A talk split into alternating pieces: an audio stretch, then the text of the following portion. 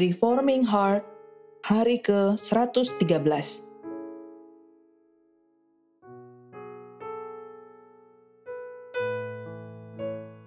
Renungan ini diambil dari website pemuda.stemi.id. Tema renungan pada hari ini adalah Nubuat terakhir Elia. Mari kita membaca Alkitab dari 2 Raja-Raja 1 ayat 1 sampai 18. Demikian bunyi firman Tuhan. Sesudah Ahab mati, maka memberontaklah Moab terhadap Israel. Pada suatu hari, jatuhlah Ahazia dari kisi-kisi kamar atasnya yang ada di Samaria, lalu menjadi sakit. Kemudian dikirimnyalah utusan-utusan dengan pesan, Pergilah, mintalah petunjuk kepada Baal Zebub, Allah di Ekron. Apakah aku akan sembuh dari penyakit ini? Tetapi berfirmanlah malaikat Tuhan kepada Elia, orang Tisbe itu, Bangunlah, berangkatlah menemui utusan-utusan Raja Samaria, dan katakan kepada mereka, Apakah tidak ada Allah di Israel, sehingga kamu ini pergi untuk meminta petunjuk kepada Baal Zebub, Allah di Ekron? Sebab itu beginilah firman Tuhan engkau tidak akan bangun lagi dari tempat tidur, di mana engkau berbaring, sebab engkau pasti akan mati. Lalu pergilah Elia. Sudah utusan-utusan itu kembali kepada raja, berkatalah ia kepada mereka, "Mengapa kamu kembali?" Jawab mereka kepadanya, "Ada seorang datang menemui kami dan berkata kepada kami, 'Pergilah, kembalilah kepada raja yang telah menyuruh kamu, dan katakanlah kepadanya, Beginilah firman Tuhan: Apakah tidak ada Allah di Israel, sehingga engkau menyuruh meminta petunjuk kepada Baal Zebub, Allah di Ekron? Sebab itu engkau tidak akan bangun lagi dari tempat tidur di mana engkau berbaring, sebab engkau pasti mati. Lalu bertanyalah ia kepada mereka, Bagaimanakah rupa orang yang telah datang menemui kamu itu, dan dia mengatakan perkataan ini kepadamu? Jawab mereka kepadanya, seorang yang memakai pakaian bulu dan ikat pinggang terikat pada pinggangnya. Maka berkatalah ia, itu Elia, orang Tisbe. Sesudah itu disuruh nyala kepada Elia, seorang perwira dengan kelima puluh anak buahnya. Orang itu naik menjumpai Elia yang sedang duduk di atas puncak bukit. Berkatalah orang itu kepadanya, Hai abdi Allah, Raja bertitah, turunlah. Tetapi Elia menjawab, katanya kepada perwira itu, Kalau benar aku abdi Allah, biarlah turun api dari langit memakan engkau habis dengan kelima puluh anak buahmu. Maka turunlah api dari langit, memakan dia habis dengan kelima puluh anak buahnya. Kemudian raja menyuruh pula kepadanya seorang perwira yang lain dengan kelima puluh anak buahnya. Lalu orang itu berkata kepada Elia, Hai abdi Allah, beginilah tita raja, segeralah turun. Tetapi Elia menjawab mereka, Kalau benar aku abdi Allah, biarlah turun api dari langit memakan kau habis dengan kelima puluh anak buahmu. Maka turunlah api Allah dari langit, memakan dia habis dengan kelima puluh anak buahnya. Kemudian raja menyuruh pula seorang perwira yang ketiga dengan kelima puluh anak buahnya. Lalu naiklah perwira yang ketiga itu, dan sesudah sampai, berlututlah ia di depan Elia, serta memohon belas kasihan kepadanya. Katanya, Ya abdi Allah, biarlah kiranya nyawaku dan nyawa kelima puluh orang hamba-hambamu ini berharga di matamu. Bukankah api sudah turun dari langit memakan habis kedua perwira yang dahulu dengan kelima puluh anak buah mereka? Tetapi sekarang biarlah nyawaku berharga di matamu. Maka berfirmanlah malaikat Tuhan kepada Elia, Turunlah bersama-sama dia, janganlah takut kepadanya. Lalu bangunlah Elia dan turun bersama-sama dia menghadap raja. Berkatalah Elia kepada raja, Beginilah firman Tuhan. Oleh karena engkau telah mengirim utusan-utusan untuk meminta petunjuk kepada Baal Zebub, Allah di Ekron, seolah-olah tidak ada Allah di Israel untuk ditanyakan firman-Nya. Maka sebab itu, engkau tidak akan bangun lagi dari tempat tidur, di mana engkau berbaring, sebab engkau pasti akan mati.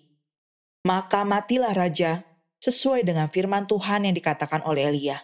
Maka Yoram menjadi raja menggantikan dia, dalam tahun kedua zaman Yoram bin Yosafat, Raja Yehuda, sebab Ahazia tidak mempunyai anak laki-laki. Selebihnya dari riwayat Ahazia, apa yang dilakukannya Bukankah semuanya itu tertulis dalam kitab sejarah Raja-Raja Israel?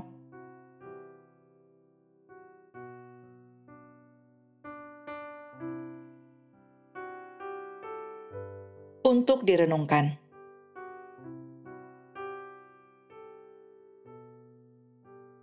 Menjelang akhir dari pelayanannya, Elia melakukan tindakan terakhir untuk memperingatkan Raja Israel, Ahazia.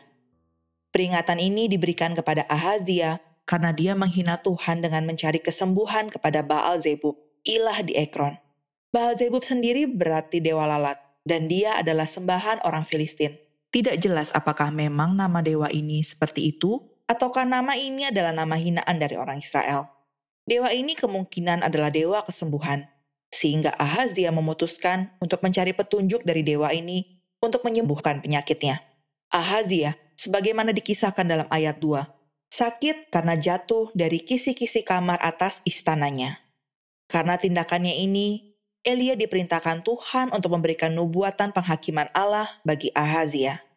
Ahazia akan mati karena penyakitnya ini. Tidak ada pertolongan bagi dia karena dia mencari kuasa gelap untuk kesembuhan penyakitnya.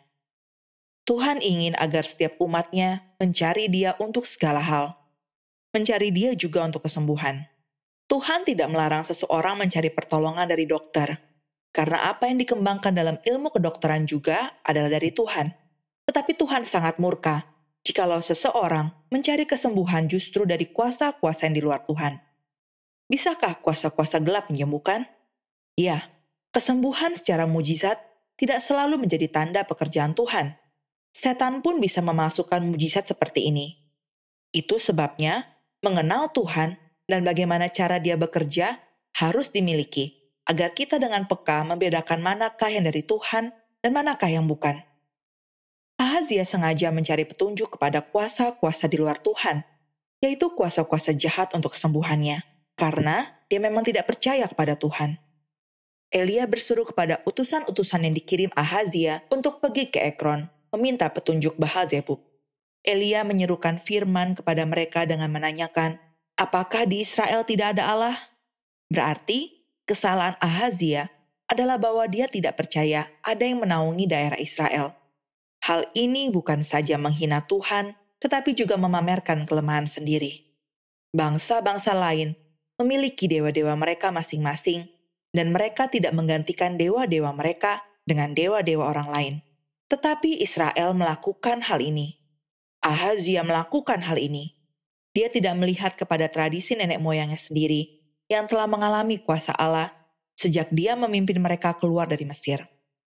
Segala tradisi yang agung dari sejarah Israel dibuang, digantikan oleh budaya rusak dari bangsa di tengah-tengah mereka.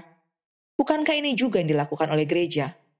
Gereja membuang tradisi yang agung dari sejarahnya sendiri, lalu menggantikannya dengan budaya populer yang sebenarnya tidak akan mampu bertahan lama budaya populer yang begitu dangkal dan tidak sanggup memberikan makna yang dalam bagi masyarakat. Apakah tidak ada Allah di Israel? Tindakan memalukan Ahazia ini mendapat teguran keras dari Tuhan melalui hambanya. Tindakan Ahazia menunjukkan tidak adanya perasaan takut akan Allah terus dilakukan. Setelah mendengar seruan yang dikatakan oleh Elia kepada orang-orang utusannya, Ahazia menyuruh 50 orang tentaranya memanggil Elia Perasaan sombong dan tidak memandang kepada Allah ditunjukkan juga oleh tentara-tentaranya yang dengan sembarangan berseru memerintahkan Elia turun dari puncak bukit. Ini adalah tindakan sewenang-wenang pemerintah yang menganggap diri lebih tinggi dari Tuhan, sehingga mereka merasa bisa memerintah seorang hamba Tuhan seenaknya. Hamba Tuhan yang sejati harus tahu posisi dirinya. Dia harus tunduk dan takut akan Tuhan tetapi tidak pernah boleh tunduk dan takut di depan kuasa manusia. Hamba Tuhan yang tunduk pada orang kaya, itu adalah hamba Tuhan palsu yang menyerahkan hak kesulungannya sebagai wakil Allah dan menggantikannya dengan sifat seorang hamba uang yang menjilat kepada orang kaya. Hamba Tuhan yang mendekatkan diri kepada pemerintah demi mendapatkan koneksi dan keamanan karena koneksinya itu bukanlah hamba Tuhan. Dia menyerahkan hak kesulungannya untuk dekat dengan Allah sebagai wakilnya dan menggantikannya dengan mental budak yang tunduk mencium kaki penguasa. Dalam bacaan kita ini, Tuhan menunjukkan kepada mereka siapa yang harus dihormati, Tuhan mengirimkan api turun dari langit, sama seperti api yang turun dari langit di Gunung Karmel. Tetapi, berbeda dengan peristiwa di Gunung Karmel, kali ini api turun menjilat habis 50 orang tentara dan sang pemimpin pasukan hingga mereka semua mati terpanggang. Raja mengirim seorang perwira lagi dengan sifat sombong yang sama. Tuhan kembali membakar dia dengan 50 orang tentaranya. Tuhan berkuasa menyatakan dirinya dengan cara demikian. Seandainya dia mau, dia dapat menyatakan dirinya saat ini dan kehadirannya akan membakar kita semua. Kita tidak akan tahan berdiri di hadapan kesucian Allah yang mulia. Semua orang harus belajar rendah hati di hadapan Tuhan. Semua orang juga harus belajar menghormati wakil Allah yang menyatakan firman-Nya dengan setia. Hamba-hamba Tuhan yang setia menyatakan isi hati Tuhan sering kali diperlakukan dengan begitu sembarangan. Ada yang dipenjarakan, disiksa, bahkan dibunuh. Saya tidak bisa bayangkan hukuman seberat apa yang akan ditanggung oleh mereka yang bertanggung jawab untuk penghinaan, penyiksaan, bahkan pembunuhan para hamba Tuhan ini. Alangkah mengerikan hukuman yang disiapkan Allah untuk mereka. Hiduplah dengan rendah hati di hadapan Tuhan, seperti yang tertulis dalam Mika 6 ayat 8. Hai manusia, telah diberitahukan kepadamu apa yang baik. Dan apakah yang dituntut Tuhan daripadamu? selain berlaku adil, mencintai kesetiaan, dan hidup dengan rendah hati di hadapan Allahmu. Ini adalah perintah Tuhan bagi semua orang, tidak peduli betapa kayanya dia, ataupun betapa berkuasanya dia. Tidak peduli betapa banyak koneksi kita dengan orang-orang penting dan berkuasa. Kita harus tunduk kepada dia dan hidup dengan rendah hati di hadapan dia. Perwira ketiga yang dikirim raja akhirnya mengerti bahwa dia harus merendahkan dirinya dia memohon belas kasihan Elia. Seorang perwira tentara memohon kepada Elia, seorang biasa tanpa senjata dan tanpa kekuatan apa pun dari dirinya sendiri. Ya, karena sang perwira ini tahu bahwa kekuatan Elia bukan dari dirinya sendiri, tetapi dari Allah yang sanggup melemparkan api dari langit untuk mematikan dia dan 50 anak buahnya. Maka Tuhan mengampuni perwira ini dan memerintahkan Elia untuk mengikuti dia dan pergi bertemu Ahazia. Tuhan mengingatkan Elia supaya dia jangan takut. Dia sudah pernah takut terhadap ancaman Isabel di dalam satu Raja-Raja 19 ayat 2-3. Dan sekarang dia harus pergi ke istana raja, tempat di mana Isabel juga berada. Baik Ahab maupun anak-anaknya yang menjadi raja sesudah dia, semuanya tidak memiliki kuasa dan kekejaman sebesar kuasa dan kekejaman Isabel.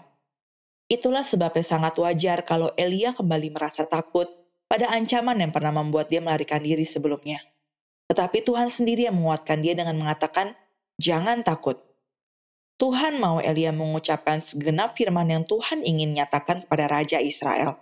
Maka datanglah Elia ke istana Raja Ahazia dan menubuatkan kematian Ahazia. Kematian yang terjadi karena dia sudah menghina Tuhan yang tidak menunjukkan hormat kepada Yang Maha Kuasa dari Israel. Maka Ahazia pun mati, dan Yoram saudaranya menjadi raja menggantikan dia karena dia tidak memiliki anak laki-laki.